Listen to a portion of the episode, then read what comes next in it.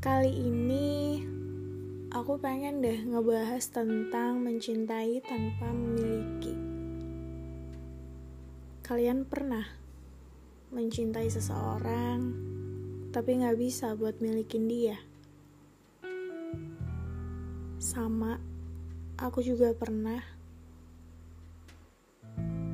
Ternyata sesakit itu ya, mencintai tanpa memiliki dekat tanpa ada status,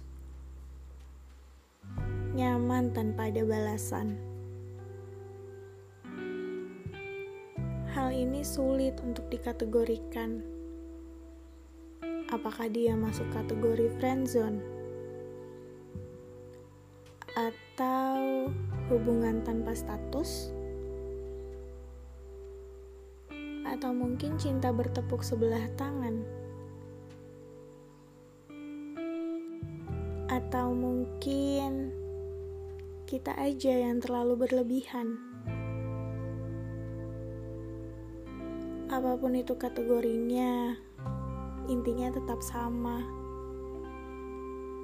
Aku sayang sama dia, tapi aku dan dia belum bersatu, atau mungkin tidak akan pernah bersatu. Menunggu waktu yang tepat untuk perlahan mengikhlaskan semuanya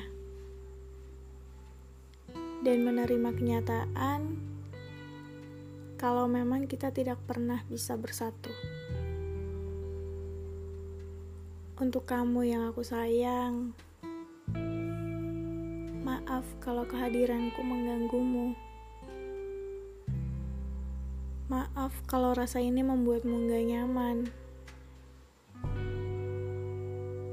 Tapi aku minta jangan pergi tanpa ada kabar. Kalau memang kamu benar-benar ingin pergi, kabari aku dulu. Iya, biar hati aku gak kaget dengan kepergianmu.